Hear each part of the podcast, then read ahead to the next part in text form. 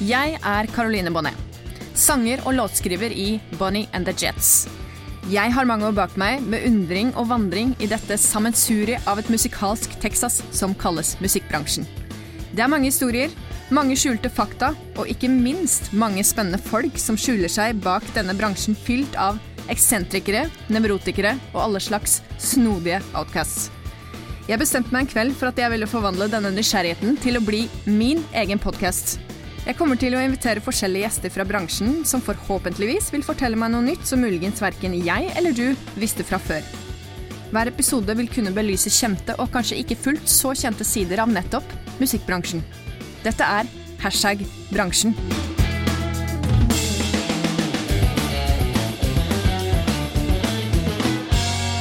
Gjesten i dag eh, starta karrieren sin som glamourmodell, blant annet, men parallelt som at hun jobba sammen med Stargate eh, og produserte noen sanger eh, i slutten av 2000-årene.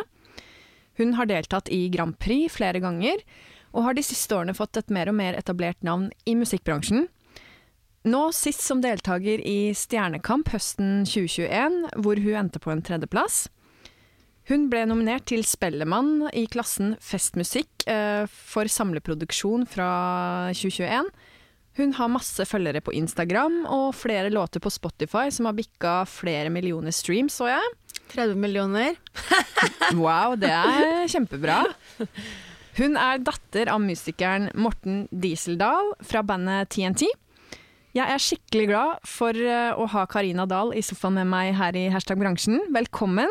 Tusen takk. Jeg kan jo starte med å avkrefte noe, noe her, da. ja, okay. For jeg har aldri starta min, min, karriere som glamourmodell. Har du ikke? Nei. Ok, beklager. Jeg, jeg, jeg, jeg kikka på Wikipedia. ja, det, det Wikipedia. Jeg lurer på hvordan man endrer Wikipedia. ja. Noen som ja. meg det. Nei, altså, jeg kan jo bare si med en gang, da. Jeg starta jo og spilte inn ei barneplate når jeg var 14 år. Gjorde du det? Ja, Og så i tillegg så hadde jeg en gruppe som het Heavy Metal Teens, sammen med dattera til Ronny Letekrø, som heter også Karina. Ja. Eh, og så eh, hadde jeg en forside på FOM, eh, som jeg gjorde én gang. Og ja. Derav så mm. tror mange, inkludert deg, da, at mm. det var en karriere jeg hadde. Ja. Eller en, noe jeg gjorde. Det var liksom en eh, det var ikke en sommerjobb engang. ikke sant? Nei. Det var på en måte, Jeg gjorde en forside, og mm. der har du. Wikipedia Karina starta som glamourmodell. Misforstått. Så, Sorry for den. Og så må du si fra til Wikipedia. Mm. Gi beskjed. Fordi... Finne ut hvordan du endrer det. For det, det, er klart, det er jo mye mer gunstig ja. for deg at det står at du faktisk ga ut en barneplate som 14-åring. Jeg, jobb, jobba jo på klesbutikk og som servitør, og da kunne du like gjerne stått Karina starta som butikkmedarbeider og servitør. Ikke ja, sant? For jeg gjorde det mye lenger enn jeg gjorde den forsida på FHM. det er den derre glammen, da, vet du. Ja, ja. høres litt kulere ut, Men uansett, du har jo da tråla og tråkka i musikkbransjen i alle år. Ja. Og det blir veldig spennende å høre litt av din historie inn i den, og ikke minst din opplevelse av uh, musikkbransjen. Mm. Og jeg syns det er kjempegøy og deilig å være i gang igjen og spille inn på den. Det her er sesong fire. Wow. Og uh, den sesongen har jeg valgt å kalle for en slags temasesong, hvor jeg da tar opp ulike temaer med gjestene jeg har uh, på besøk, som handler om musikkbransjen, da. Og det jeg har lyst til å snakke med deg om uh, litt seinere, det er rett og slett eh, om oppdaging av musikk, og hvordan finne sitt publikum. Ja.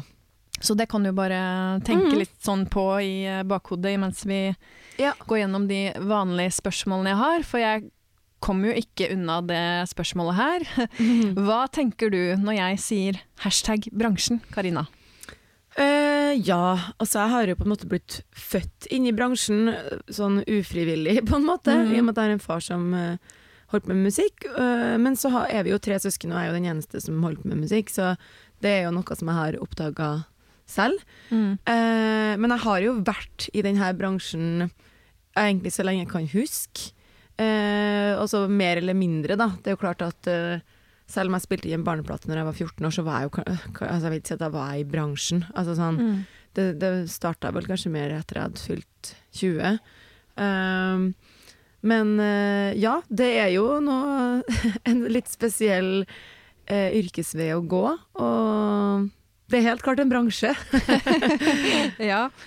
Uh, hva er det du tror folk flest misforstår, da? Med musikkbransjen? De som ikke uh, kjenner til den eller har noe erfaring med den. Altså, det spørs jo liksom øh, hvem vi snakker om, da. Men øh, sånn som ja, Jeg vet ikke, det var litt vanskelig å svare på sånn bransjen, men øh, jeg tror folk ikke forstår hvor mye arbeid som ligger bak. Um, altså for eksempel når du skal ta en spillejobb, da, så koster det så og så mye. Og så kan folk si 'oi, så var såpass', ja. Ja, men hvor mange timer, dager, måneder, år har man ikke jobba for å investere i produktet sitt, eh, som man nå er så heldig å kan leve av, for eksempel. Mm. Det koster ganske mye å, å spille inn musikk, eh, eller i hvert fall å, hvis du skal eie din egen master, da, hvis du skal eie musikken din selv, så koster det veldig mye. Det er veldig mye investeringer både i tid og penger, som gjør at det er det det koster å booke en artist i dag, da, for eksempel. Mm. Det er jo en misforståelse. Jeg vet ikke om jeg svarte på spørsmålet litt. Jo, men- absolutt. Jeg syns det var et Men godt sånn, svar, ja. Ja, er en av de tingene jeg tenker mye på, da. Mm. Fordi folk skal liksom ikke betale for musikk. Nei. Og så er det sånn, ja, men du må ha lydmann, å ja, ok, du må ha reise, du må ha opphold. Mm. Eh, ja, men kan det er jo bare én sang i et bryllup. Nei, men Ja. hvis jeg sier ja til det, da, og Mm. ikke får betalt det jeg skal ha, og så får jeg inn en annen vanlig betalt spillejobb, så har jeg tapt de pengene, ikke sant. Ja. Så at den eh, bransjen vi er i, det er enormt mye tid og penger investert som kanskje ikke andre eh, klarer helt å Mm. ta inn, eller sånn forstå da, at Ja. det skjer. Ja. Mm. Det er jeg absolutt enig i. Det er veldig mye logistikk og veldig mye rundt. Og det er så mye logistikk. jeg sitter Ja. nå med sommerturneen, og jeg gjør jo Mm. veldig mye selv. Og dæven hvor mye timer jeg bruker på flybilletter og logistikk og hit, og så skal vi fra Sandnessjøen til Kirkenes, og altså det liksom Ja. Det virker ikke så langt, men det er Det er, det er noen mil. ja, og, ja. og ikke minst flytida, og altså, det er Mm. så mye greier. Det, det er det virkelig. Har du noen spesiell hashtag bransjehistorie som du mm, ikke glemmer? Altså en spesiell sånn hendelse som du bare tenkte at oi, ja, det er tydelig at nå er jeg i musikkbransjen, for å si det sånn. Um, det er jo sikkert flere ting, men noe jeg har opplevd mye av opp igjennom, er jo um, Altså, jeg føler jo at uh, det har vært veldig sånn kred og ikke kred innen bransjen, da. Mm. Uh, det føler jeg har blitt litt viska ut nå, når endelig på en måte festmusikksjangeren og sånn er mye mer akseptert, da. Ja, gratulerer med det, at det faktisk Ja, for det. eh, For det ble en sjanger, eh, eller ble en kategori i år, ikke sant? I? Spellemann, ja. ja. mhm. Men så er det også på en måte bare hele den eh, altså Se på Tix, for eksempel. Da. Jeg skjønner jo at han har gjort russemusikk som har kanskje har vært liksom, drøye tekster og alt sånt som det der, men plutselig så er jo han hedra av av dem på P3 som på en måte har heita på musikken hans før. Altså, sånn, jeg Mm. syns det har vært et sånt morsomt eh, en morsom overgang, da. Og eh, sånn som jeg var jo i podkasten til Kristine Danke, som jeg for øvrig har har blitt uh, veldig glad i, som jeg var veldig redd før. Uh, okay. jeg syns hun var litt skummel og heita på en måte litt på hva jeg sto for, kanskje. Følte jeg, da. Jeg Mm, gjorde sikkert ikke det, men, men hun jeg sa jo det til hun også. Plutselig nå så hyller jo hun liksom Staysman og Tix og sånn som på en måte var uglesett fra den bra sida av bransjen før, da. Mm, Det syns jeg er litt interessant. absolutt. Ja, Ja, og et har- skifte der, Ja, det og har vært et skifte, og jeg følte jo at det tok veldig lang tid før jeg på en måte ble akseptert. Og jeg satt jo, husker jeg, i et intervju på P3 en gang med Kapteinen, som er sånn kred-artist, som jeg for, for øvrig digger. Vi festa sammen på Spellemann og hadde det Ja. dritgøy, men da var det veldig sånn tydelig at jeg representerte en ikke-kred-del av bransjen, følte okay. jeg da, og han var liksom kred. Mm. Eh, men så er det jo sånn Det spørs jo hva du er ute etter, da. Ja, ja, ja. Og for min del så er det ikke så viktig at alle de fete hipsterne eh, i Oslo-gryta skal like meg, liksom. Da vil jeg heller appellere til bygda og Norge Mm. og alle andre steder enn hipster-kred-grupper som sitter og bestemmer hva som er kult og ikke. Ikke sant. Så, det, ja, det kan jeg si meg enig i. Ja, så det er litt sånn eh, Ja. Mm. Jeg prøver på en måte alltid bare å være blid og imøtekommende, og Mm. det her er det jeg gjør, også det noen andre gjør er også fett, men Mm. altså, det, det, trenger ikke være noe forskjell på oss, på en måte. Mm. Men eh, når du da trådte inn i musikkbransjen, da, sånn sakte, men sikkert, har du noe spesielt minne fra, fra veien eller et eller annet som du tenker at det her hadde på en måte ikke skjedd noe annet sted enn i Eh, bransjen, liksom? Altså, jeg tror jo sånn som um, Jeg har jo alltid vært en person som elsker opplevelser og er veldig ja-menneske og syns mye ting er kult å oppleve, da. Som for eksempel en forside på FM, eller Mm. jeg ble jo med i Big Brother når jeg var 19 eller 20 Ja, år. du, det leste jeg også på Wikipedia. Ja, det er sant. Det er sant, ja. Ja. ja. Og da ble jeg jo spurt om å være med i det, og da tenkte jeg jo nei, det skal jeg ikke. Men så tenkte vi ok, jeg hadde jobba veldig mange år med musikk, og for dem som holdt på med musikk eh, og ikke på en måte har klart å kanskje være der de ønsker, så vet de jo at det, det er veldig vanskelig. Mm. Eh, og på den tida så var jo ikke noe reality utenom det. Eh, Var det den første? det var den siste, faktisk. Oh, ja, Eh, ok. ja, den siste 2006 var det. Så da tenkte jo jeg at ok, kan vi gjøre noe smart nå? Så da gikk jeg jo i studio og spilte inn et par låter, og så ble jeg med i Big Brother, og så slapp vi den ene låten mens jeg var i huset. Ja. Og det her var jo så stort på den tida her, for det, nå finnes det jo hundretusenvis av programmer. Ja. Eller hundretusen kanskje å men Ja, ja, men Ja, det, ja. Det, det flyter over av sant? reality og ting og altså streaming og ja. ja. Så, og du ser jo sånn som mange nå som er med på reality, kommer jo med en låt og alt sånt, men det var Mm. liksom ikke så vanlig på den tida der. Sånn Nei. at når jeg kom ut av Big Brother-huset etter å ha vært der i fire måneder, så var jo jeg superkjendis. Var du Altså, der så lenge? Ja, jeg var så lenge. Og det, Wow. det var det største programmet i Norge og Sverige på den tida der. Så Ja.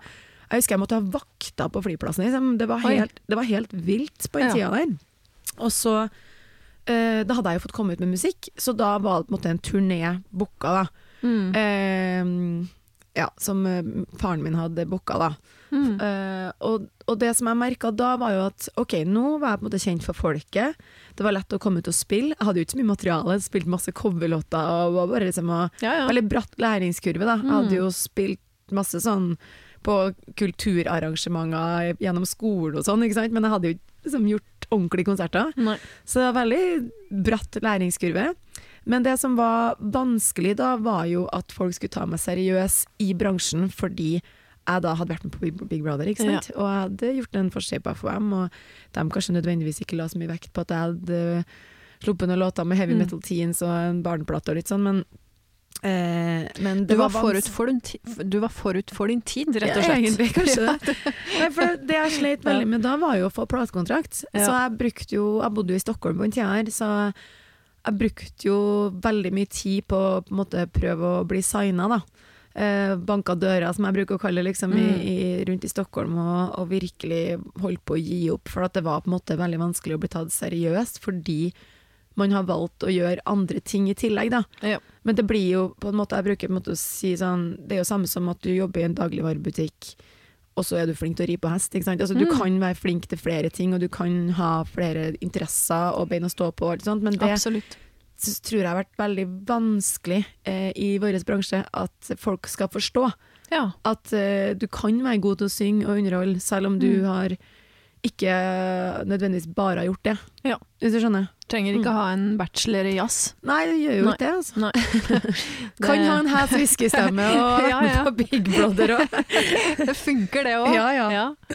Ja, Nei, men eh, det er jo veldig interessant å høre du fortelle om hvilken effekt det faktisk hadde på den tida, da, den reality-blesten som det var. eh, For det var jo noe helt annet, som du sier, enn det er nå. For nå er det jo masse, overalt. Ja.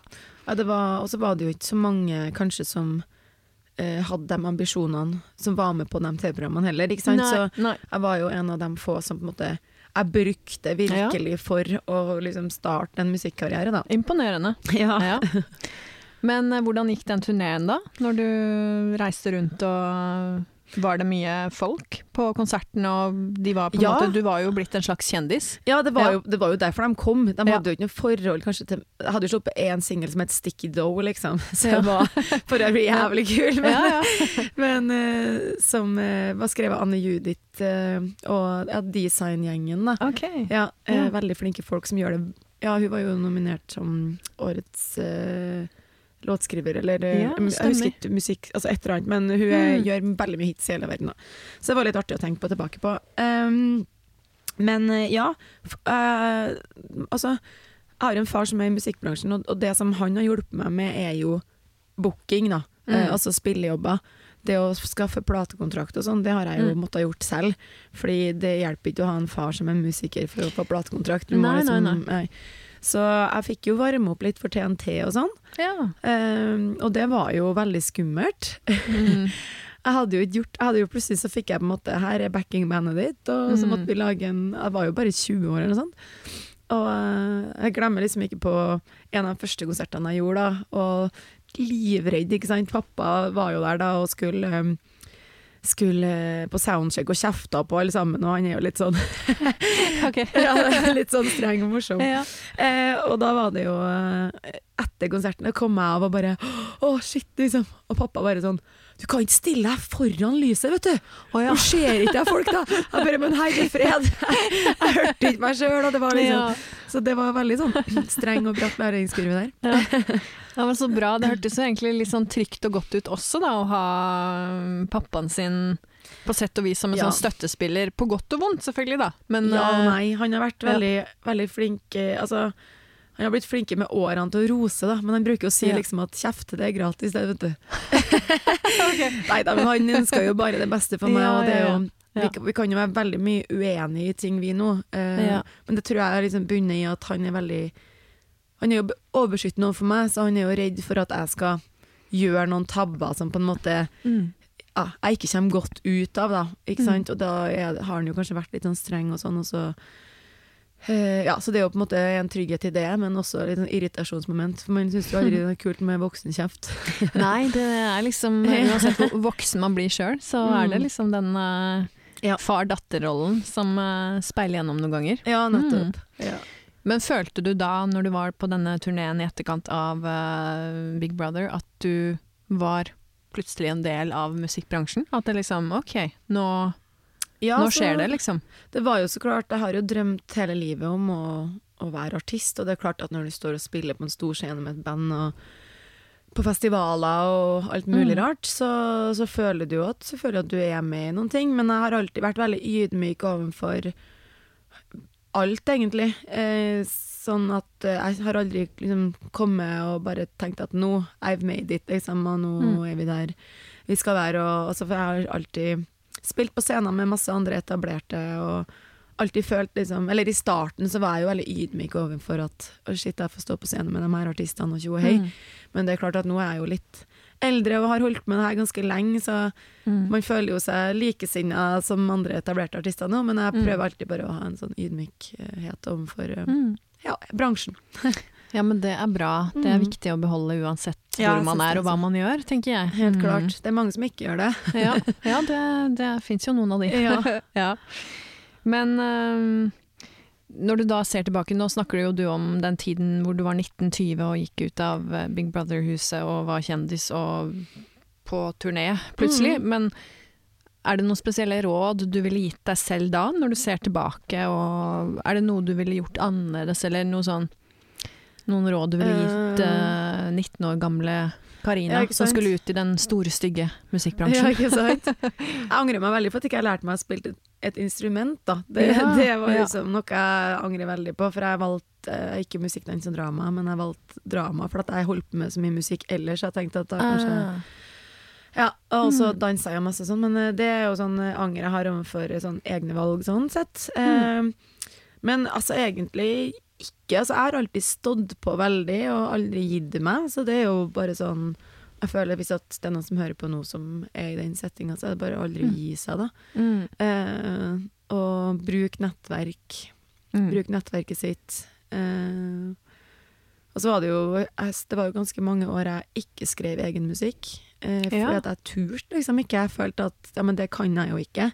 Ok. Men eh, det var jo bare å hive seg i til slutt, og så plutselig så hadde jeg jo til og med skrevet låter for andre, ikke sant. Så det var jo Ja, da løsna det. Ja. Ja. Så det er bare litt Mm. sånn derre eh, Jeg er veldig Jeg har alltid hatt et pågangsmot som jeg, som jeg er glad for at jeg hadde. Og så er det jo sikkert uh, ting jeg kunne gjort annerledes, som eksempel å droppe den forsida på FHM, da. Kanskje det hadde gjort det lettere å slippe i dag å høre at jeg starta karrieren og sånne ting. Eh, det var kanskje ikke så viktig, men igjen så er det jo noe som har gjort meg til den jeg er i dag. Og Jo da, det er jo Ja. selvfølgelig sikkert noen som forbinder deg med det, siden Ja, men- en eller annen har skrevet det på Wikipedia. Men, ja.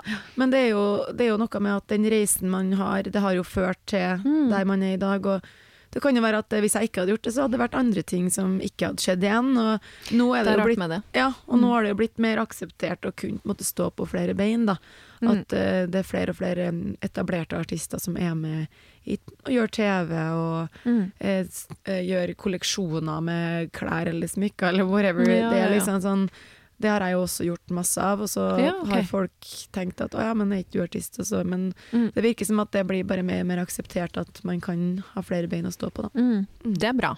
Det Men- liker vi. Ja, men fleste har jo på en måte Altså Musikk er jo hobbyen min like mye som yrket mitt, men Mm. de fleste har jo kanskje flere hobbyer, og det var jo sånn som jeg starta når jeg var liten, og så jeg gikk jo på alt av aktiviteter. Om Ja. det var ballsport eller turn eller trylleskole eller Du korps. alt. Eller, ja, ja, så, sånn har jeg jo alltid vært. Mm. Og sånn er jeg i voksen alder også. Ja. Så om jeg har lyst til å gjøre en smykkekolleksjon og en bikinikolleksjon og være artist og være med på noen TV-greier, så handler det bare om at jeg elsker alt det der. Ja, ja, ja. Det er jo veldig bra. Det er jeg veldig fan av, at folk kan gjøre det de har lyst til her i livet. Nettopp. Uten at andre skal mene noe om det. Det blir et ganske avkorta liv hvis man skal Ja. tenke på det. og jeg tror at det blir veldig lett å angre på eh, at man ikke gjorde det man hadde lyst til å Ja. gjøre fordi at alle andre skulle ha en mening. Og det har jeg jo kjent veldig sånn i bransjen, da. At Mm. det har jo vært mye fordommer rundt at man har vært en sånn type person Ja. eh, opp igjennom. Men eh, det merker at det liksom Det har falt på plass ganske bra nå, altså. Det er godt å høre. Mm. Det, det er jo synd at fordommer og andres tanker om Hva skal jeg si De bildene man har skapt av andre, skal ødelegge for, for noen, på en måte. Ja, det er jo det. Og det er jo det som er litt skummelt i dag, syns jeg, med alle unge eh, Unge som har drømmer innen musikk eller underholdning. At det, det er så lett å bli hakka på i kommentarfelt og sosiale Ja. medier og alt sånt, og det er så lett å bukke under og gi seg, fordi at Mm. man bare ikke orker det, ikke sant? Ja. Så det syns jeg jeg er veldig glad for at jeg vokste opp uten sosiale medier og kommentarfelt. Fordi det Altså sånn Jeg har merka nok til fordommer uten det, liksom. Altså, jeg kan bare tenke meg hvordan det er å, å ha drømmer og sånn som folk skal ha mening om på sosiale medier. Hvis, altså, det er så Mm. mye stygt som legges ut. Det skjer bare på TikTok, som er liksom der man bør være i dag. Ja, det har jeg hørt.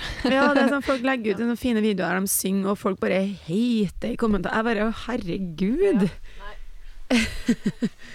Jeg må ha litt kaffe. Ja, ta litt kaffe. Ja. Nei, det, det er virkelig en uh, tøff verden der ute i uh, det store internettet, altså. Ja. Virkelig. Det er virkelig det. Så må, folk må være litt snille med hverandre. Ja. Men eh, når du ser på alle de gode streamingtallene du har på Ja. Spotify, det er jo helt utrolig. Mm. Hva tror du er grunnen til at du klarer å beholde publikummet du har, og trekke til deg flere også? Det, har du Ja. noen spesielle tanker rundt det, liksom?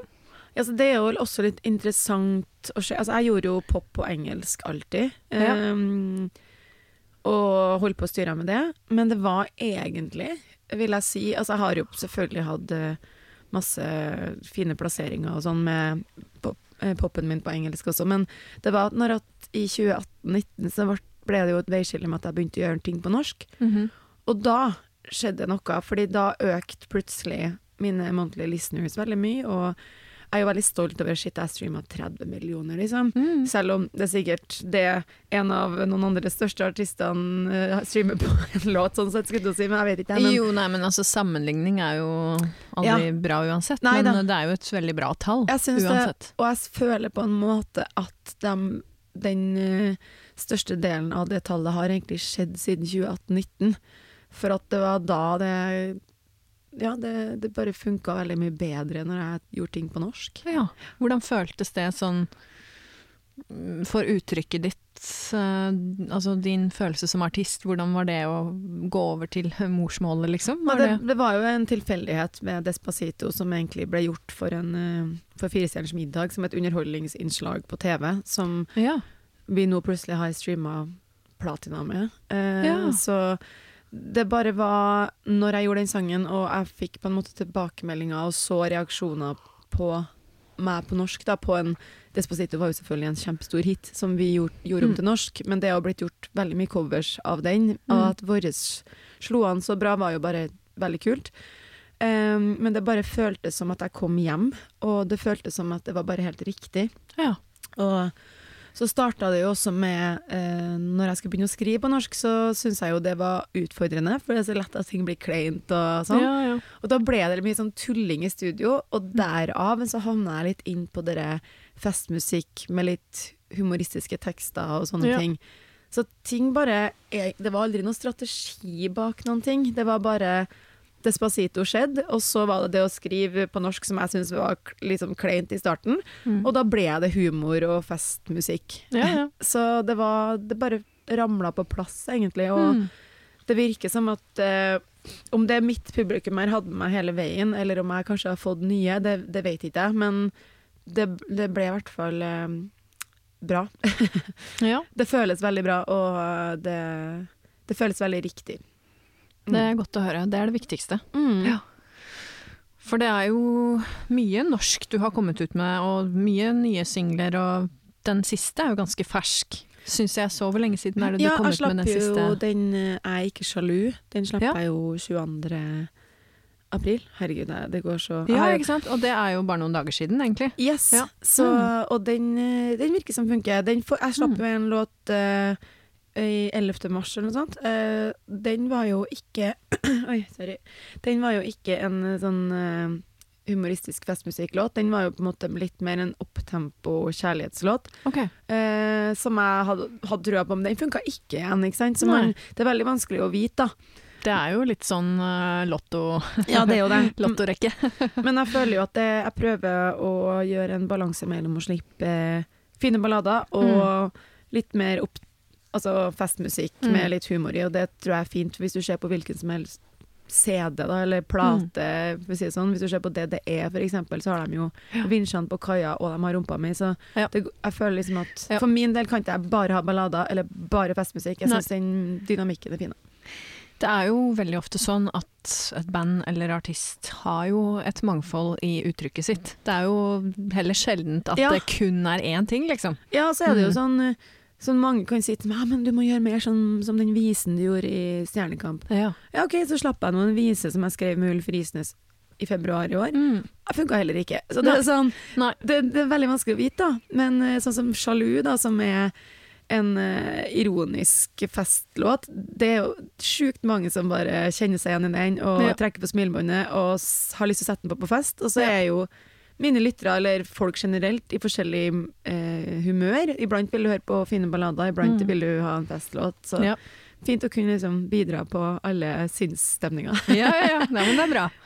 Apropos lyttere, så er jo det sånn sett noe av det temaet jeg ønsket å snakke med deg om. Da, fordi hva er det du føler kjennetegner ditt publikum? Har du tenkt noe på det? Altså sånn ditt kjernepublikum, eller altså Er det de som sitter på fest på bygda, eller er det, er det litt sånn mer eh, mangfoldig gruppe mennesker, eller har du noen Ja, altså, tanker om det? Det som jeg syns er veldig interessant og gøy å se, det er egentlig etter Stjernekamp. Mm. Eh, så gjorde vi jo en eh, turné før jul. Eh, ikke noe julemusikkturné, men bare en turné.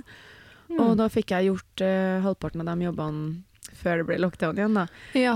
Eh, men det som jeg syns var så interessant å se, var at publikummet mitt på konsertene mine, det er tre generasjoner. Det er alt fra 20 til 75. Ok, Og så det var så artig å se at jeg på en måte har eh, eh, altså bredda aldersspennet da, på Mm. dem som hører på musikken min. Eh, ja, det var skikkelig skikkelig gøy. Altså, for jeg så liksom, jeg spilte i Trøndelag, da, og der er det jo livat. Ja. Og da var det sånn en 20-åring som sto og helt forrest på alle de festlåtene, ikke sant? Og så kom den derre 'Om du dro ifra meg', som. Ja. den viselåta som jeg gjorde i Stjernekamp. Og da satt det liksom eh, noen voksne mennesker der da, som hadde veldig lyst til å få med seg den, ikke sant? Ja. Og han 20-åringen var kanskje litt full og veiva foran der, og da så jeg bare han voksne mannen tok tak i øret på han 20-åringen og bare 'Nå roer du deg ned'. Nå er det vår tur. Ja. Så det var bare så veldig morsomt å se. Var sånn fin måte å ta tak i en litt sånn slitsom situasjon på. Ja. At han bare tok den i øret, liksom. Effektivt. Jeg synes det var så morsomt. Nei, så Ja. det, det er litt artig å se hvordan i hvert fall det har blitt nå, da. At man Mm. kan appellere til flere aldersgrupper. Så kan jeg tenke meg at uh, det, det voksne delen kanskje hører mer på balladene jeg har gjort, og så kanskje de yngre hører litt mer på festmusikken. Men igjen så er det jo forskjellige sinnsstemninger. Jeg får jo masse folk som tagger meg at de hører på låtene mine, og da er det jo alt fra de Mm. rolige til de opptempo. Men uh, Ja. jeg tror at det er ganske greit sånn spenn på Mm. Så det er jo litt artig. Ja, det er bra. Hvordan tror du de oppdager musikken din, da? Er det gjennom de streamingkanalene, eller kanskje Du har jo et såpass stort eh, Hva skal jeg si Så mange følgere på Instagram og litt forskjellig. Kanskje det er en del som oppdager det der, tror du, eller?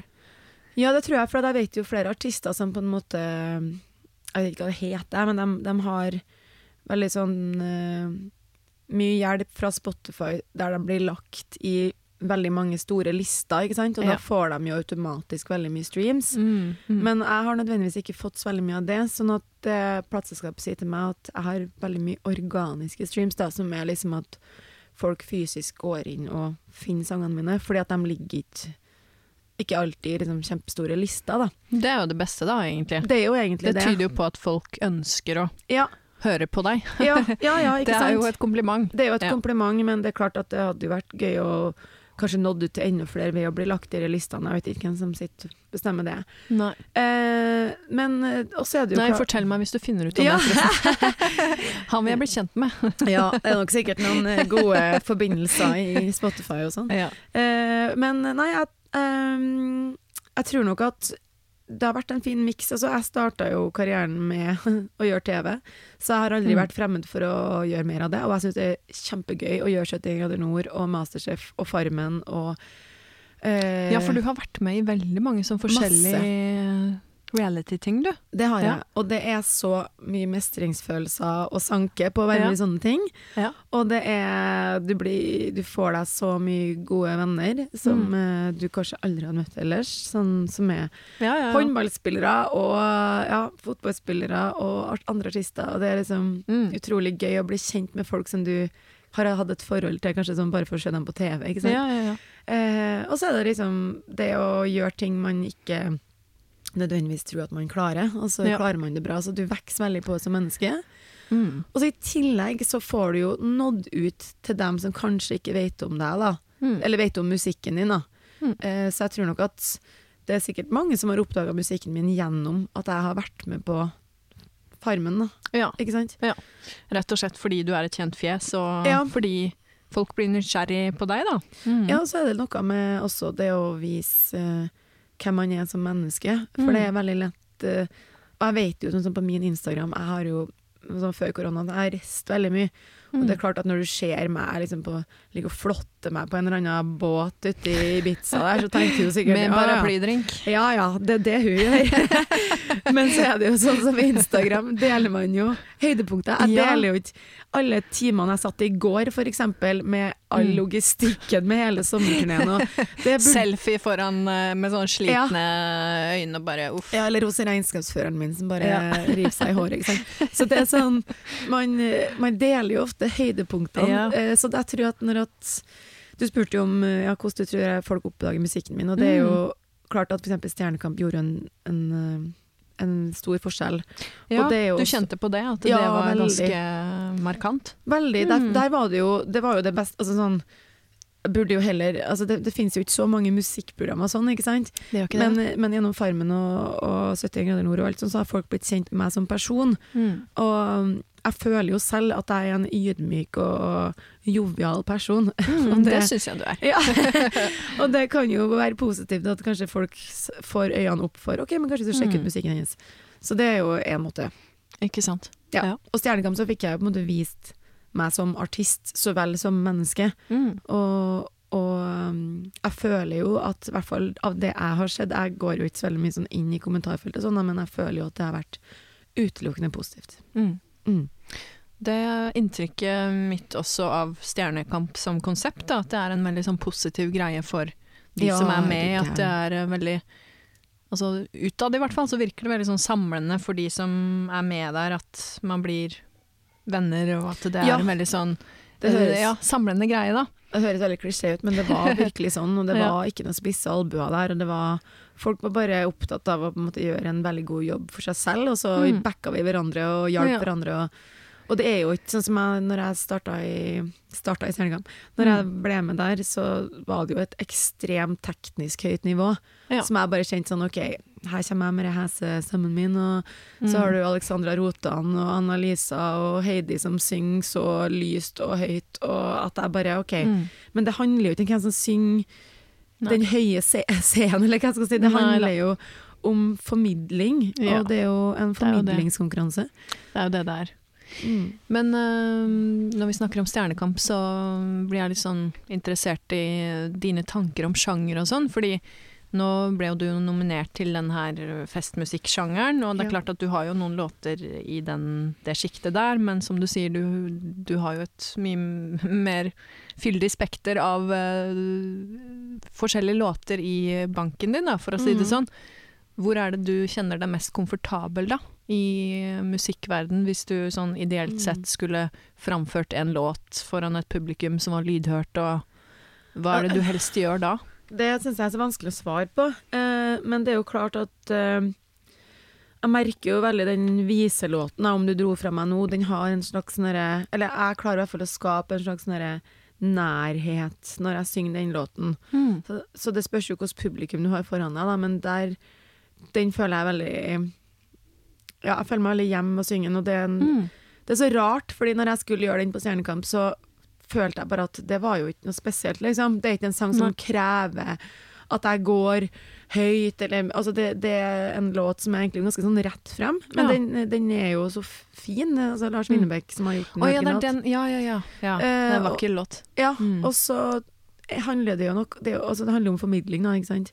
Mm. Så den føler jeg meg veldig Jeg er veldig glad i å opptre med den, selvfølgelig, men, Mm. men så er jeg jo òg ganske sånn eksplosiv og energifylt på scenen, så det Ja. å gjøre liksom festlåtene, det gir jo meg også veldig mye. Ja. Så jeg, eh, det er noe med den der dynamikken i, Mm. i alt, altså, som jeg gjerne vil ha da, og Ja. beholde. Ja, ja. Det er forståelig, men hvis du Nå spør jeg sånn Ja, spør, Jeg vil gjerne vite Ja, ja, hvilken sjanger du trives best i. Altså, hvis du skulle gitt ut et sånn derre ønskealbum, da. Mm. Hvilken sjanger ville du vært i da, liksom? Ja, men det, Du kanskje har hatt alle forskjellige sjangere Ja, på et album? Det. Og det er sånn som jeg har alltid sagt også, sånn at eh, eh, Altså, sånn fra Eller sånn fra gammelt av, da, så er jo eh, ofte sånn The Beatles sant, veldig tydelig i uttrykket sitt, og, Mm. og der er det på en måte en ja, en, en sjanger som du Men Mm. igjen, de har jo på en måte noen rolige og noen opptempo, så det, Ja.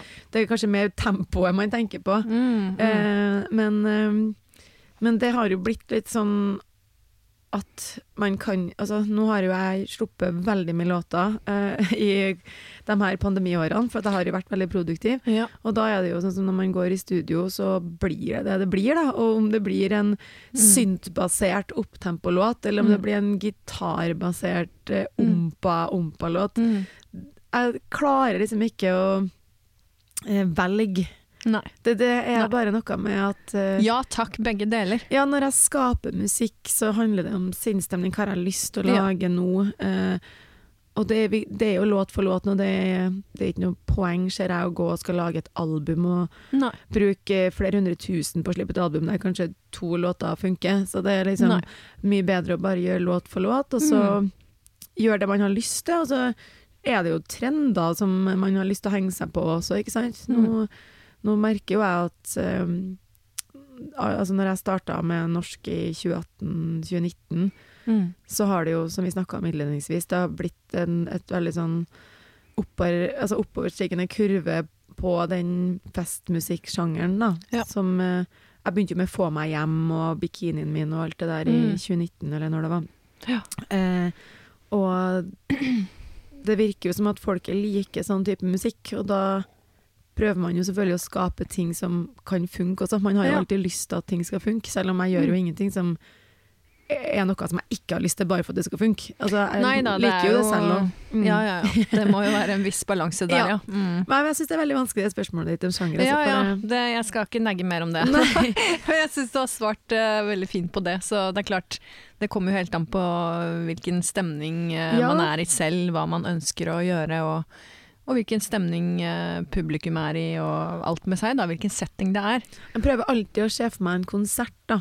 Og se for meg på en måte den dynamikken man har i settet sitt, da. Mm. Der man kan Så jeg starter ofte liksom midtempo, og så går jeg ned og tar en liten balladesession, og så Mm. bygger jeg det bare oppover, oppover, oppover med liksom fest, da. Ja. Og det syns jeg er en fin sånn måling på hvordan låter Mm. jeg gjør også. At man Ja. klarer å ha en dynamikk i, på konsertene sine der folk måtte, er Mm. med på reisene. Absolutt. Mm. Og så har du med deg en ganske bra gitarist òg, da. Ja. Joakim Skjervum. Yes, Han er ja, fin fyr, altså.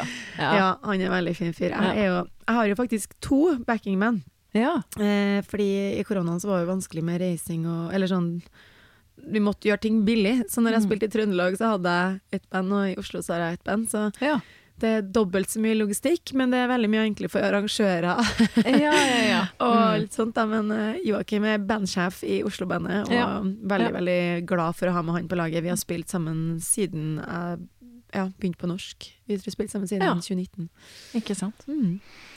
Det begynner å bli en stund siden, den uh, koronaen. Nå, nei, nå Det er faktisk første gang i eh, episoden nå at korona blir nevnt. Og vi har egentlig bestemt at vi skal eh, pipe det ut. Ja. Så det blir sånn to Ja, det pip, lurt. da. Det er Ja. lurt.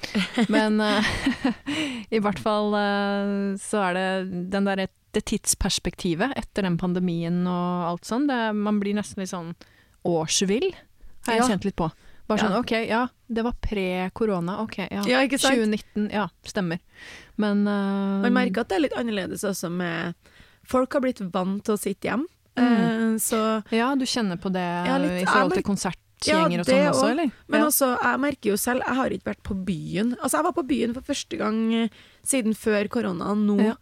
uh, forrige lørdag. Ja. Uh, for jeg har ikke hatt noe behov av det. Jeg syns det er veldig hyggelig Mm. å gå ut og spise og drikke vin og sånn, men jeg går liksom aldri på byen. Nei, nei. Uh, og det, tenk, det føler jeg altså Jeg spilte jo i Oslo her i mars, og da var jo både Morgan Solele og Vidar Villa og meg og masse andre Men eh, det var andre sjangre også. Men Ja. vi var flere som spilte veldig mye konserter på MS Bjørvika, og vi alle hadde liksom bare sånn 100 stykker hver som kom på konsertene. Ja. Og det er ganske sånn lite når det er Oslo, og man føler at ah, det er så Mm. lenge siden og sånn, men Ja. det skjer jo mye mer nå, for det er veldig mye som skal tas igjen. Mm. Det er mye avlysninger som folk skal på latter, ikke sant, for de har fått det i julegave, og så skal det alt i, De fikk det i julegave i 2020, og så skal det skje ja, noe. ting skal tas igjen. Ja, så, så det, det blir- det er nok en sånn der opphopning, og så Ja. er det kanskje noe med det at den psykologiske greia med at folk Kanskje den dørstokkmila er litt eh, det. tyngre enn ellers. Jeg tror det. At det kan være litt sånn kombi der. Men uh, Mm. forhåpentligvis da, så blir det bare mer og mer. Både reising og konserter og Ja, alt som er. det skal bli veldig gøy nå fremover også. Ja, For du Mm. skulle ut og spille nå Ja, etter hvert? Jeg Mhm. starter 4. mai, men da, i mai så har jeg nesten bare eventjobber, da. Sånn lukka firma og sånne ting. Ja. Eh, men fra juni så er det, mm, så er det mer eh, festivaler og, og ve offentlige venues, på en måte. Mm. Så jeg har jo fullbooka eh, juni og jul Jeg tror jeg kanskje én helg fri hele sommeren. Så det er veldig, veldig kult. Mai, Ja. juni, juli og august. Ja, så bra. Mm. Men uh, når du da ser sånn før pandemi, etter pandemi, hva syns du Hvordan syns du musikkbransjen har klart seg? Altså, syns du det har vært greit håndtert, liksom? Sånn med de ordningene som har vært, og har du kommet deg Eh. greit gjennom det? Har det Altså sånn, vært, det som jeg skal se på det positive, er jo at jeg har vært veldig produktiv og sluppet veldig mye musikk. Og Ja. folk hører jo på musikk uavhengig av om det er en pandemi eller ikke. sånn Mm. sett. Men jeg syns jo ikke det har vært noe bra håndtert sånn i forhold til støtteordninger og Mm. alt det der, da. Um, jeg havna jo mellom to stoler da jeg gjorde om enkeltmannsforetaket mitt til et AS i Ja. 2020. Mm. Så når uh, den ordninga kom for frilansere, så var jo ikke jeg frilanser lenger. Pluss at AS Mm. mitt hadde jo ikke vært oppe mer enn to uker, så Ah, jeg fikk ikke noe støtte. Shit. Og Nav hadde liksom ikke noe eh, De er ikke sånn som bare du snakker med en hyggelig dame, så bare 'Å, men da forstår vi, du har bare endra formaliteten i firmaet Nei. ditt', liksom. Vi skjønner at du Nei da. Nei. Så null Ja. støtte, og så i Mm. tillegg så var det jo eh, Jeg ble jo permittert litt etter hvert, da. Etter Mm. at jeg hadde prøvd jobba jo som bare det når det Mm. ikke Det var jo lockdown frem og Ja, tilbake. ja. Men, eh, men da fikk jeg jo sånn eh, etterbetaling for at de så at jeg hadde på Instagram hadde øvd til Stjernekamp. Ikke sant? Og de mener jo på Nav at hvis du som musiker eh, betaler for en sangtime, så må du føre det som jobb. Oh. Så det er jo ekstremt ekstremt spesielt, da. Så det er jo what? som Det skjønte jeg ikke logikken i. Nei. Nei. Og det er jo noe med at du igjen da, investerer penger og tid for å Ja. liksom, klarer å leve av det her. Mm. Det er jo som en kokk, ikke sant. Hvis han lager mat da, til barna sine, skal han føle det som jobb, da. Ikke sant? Så det er jo Ja. Jeg syns ikke at eh, I hvert fall uh, hun, hun på Nav-kontoret som, prøver- som prøver i hvert fall å ta meg, føles det ut som. Det Mm. føles ikke ut som at hun er i hvert fall helt på lag med musikkbransjen. Og det er jo en, en av de bransjene som har vært hardest ramma. Altså, selvfølgelig det er masse flere bransjer som har vært uh, hardt ramma, så det er ikke noe mer synd på meg Men enn noen andre. Men En av de, i hvert fall. ja, det er det jo. Og da er det jo synd at uh, systemet skal bruke tid på å liksom følge med på Instagram om du tar en betalt sangtime eller Mm. ikke, Mm. i stedet for å bruke tida si på å hjelpe folk som f.eks. har blitt ufør, da, som Ja. kanskje må vente i ett og et halvt år før de får noe støtte for at det tar så lang behandlingstid. Tenk på det. Så Mm. har de heller tida til å sitte og prøve å arrestere deg for at du prøver å investere i Ja. talentet ditt, eller hva jeg skal si. ja, nei, det er eh, spesielt. Det er Jeg helt enig. Så jeg syns ikke at det har vært helt sånn enkelt. Men nei. sånn er nå bare livet. Så jeg Mm. har nå bare prøvd å gjøre det beste ut av situasjonen. Og jeg spilte jo en akustisk turné under 2020 for 50 pers, bare for å spille, egentlig. Ja. Uh, og jeg har gjort, prøv, eh, prøvd å være sluppet veldig mye musikk, så forhåpentligvis er jo det en investering i, i fremover. Og Mm. ja, man Mm. bare må nesten bare Det er masse ting man ikke kan gjøre noe med, så da må man bare gjøre det beste ut av situasjonen. ja, det er helt sant. Er det noen spesielle planer sånn utenom den her innmari tette sommerspillinga og sånn? Har du noen spesielle sånn utgivelsesplaner Ja. framover mot høsten og sånn? Jeg har jo sluppet låter nesten hver sjette uke, og Ja. Det Ja, det er jo bra. Og så Mm. ja, det koster det jo penger. ja, det det gjør det. Men det er jo bare veldig positivt. Men jeg har én låt til nå som jeg var og gjorde ferdig her om dagen, i, på mandag eller når det var. Ja. Og den eh, er det mulig at jeg slipper som siste låt før sommeren nå, da. Mm. Uh, og så skal jeg ta meg en liten studiopause, for det blir jo veldig mye spilling. Mm. Eh, og jeg har jo en stemme som uh, må hvile litt mellom slagene. Ja, ja. Uh, så det blir vel ikke noe studio egentlig nå før i høst, tenker jeg. Så, Nei, nei. men da er det jo Hvis jeg slipper den sommerlåten nå, så er det jo min fjerde låt bare i år. Så. Ja. jeg føler liksom at man må jo prøve å jobbe med de låtene som blir Mm. sluppet også, og ikke bare tenke på neste, neste hele tida. Så det er bare å Mm. prøve å jobbe med de eh, låtene man eh, har sluppet, og så Mm. spille, og så kan man heller sette seg i studio igjen når det blir hustrig, hustrig ut. Ja, ja, ja. Når er det du får mest inspirasjon til å skrive musikk, da?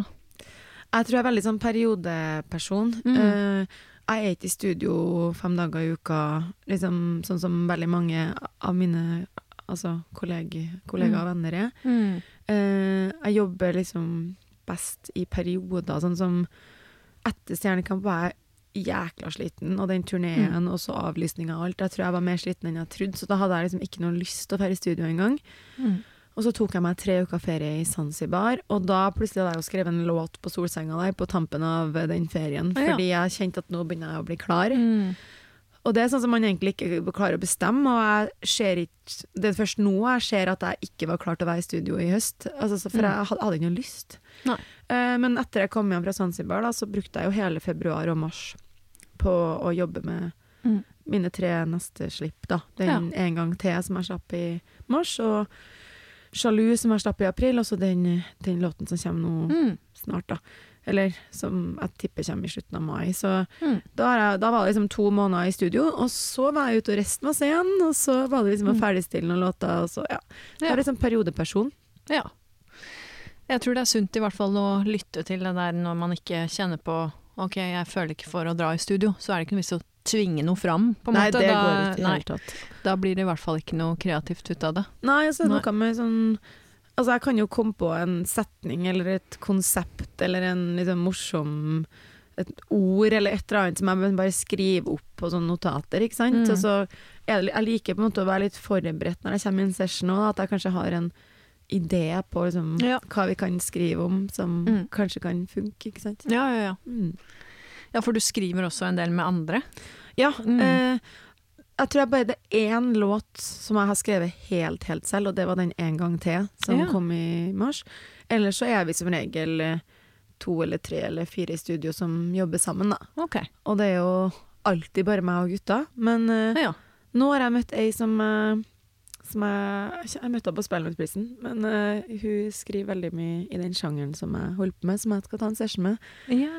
Så det blir litt artig, for at uh, ofte så er det bare meg og gutta boys. Greit med litt feminin energi også. Ja, det er det. Eller, ja, jeg sier feil her, jeg har jo skrevet både på frifot og helt OK. Da var det jo også ei jente med okay. på de sessionene. Men Ja. Mest, altså det, det jo, i bransjen så er det jo veldig mye menn. Ja, det er jo det. ja. Det er, eh, det er noen av de. Mm. Så man har jo blitt litt sånn guttejente av den Ja. bransjen her. Ja. ja. Men uh, ja, jeg tror det er viktig å få inn mer kvinner, altså. Uansett. Ja, helt eh, klart. ja. Helt klart. Det, det er som regel bare menn Nei, det, det, det er kanskje feil å si, men det er veldig mye menn i både band og Mm. i studio. ja, ja. Absolutt. Men jeg er uansett veldig glad for at du tok deg tid til å sitte her og skravle med meg i hashtag bransjen. Så det var veldig hyggelig å komme, og det syns jeg var kjempe, kjempekule temaer vi snakker om. Det er liksom Ja. ikke bare alltid det samme spørsmålet som man Ja. alltid får, så jeg syns du er veldig flink. Takk skal du ha. Nei, men eh, Så hyggelig å høre. Det, det blir fint å få ut sesong fire snart, så det, du får bare følge med, så Det skal jeg gjøre. kommer det ut. Takk. OK. Ha det godt, da. Takk for meg. Takk.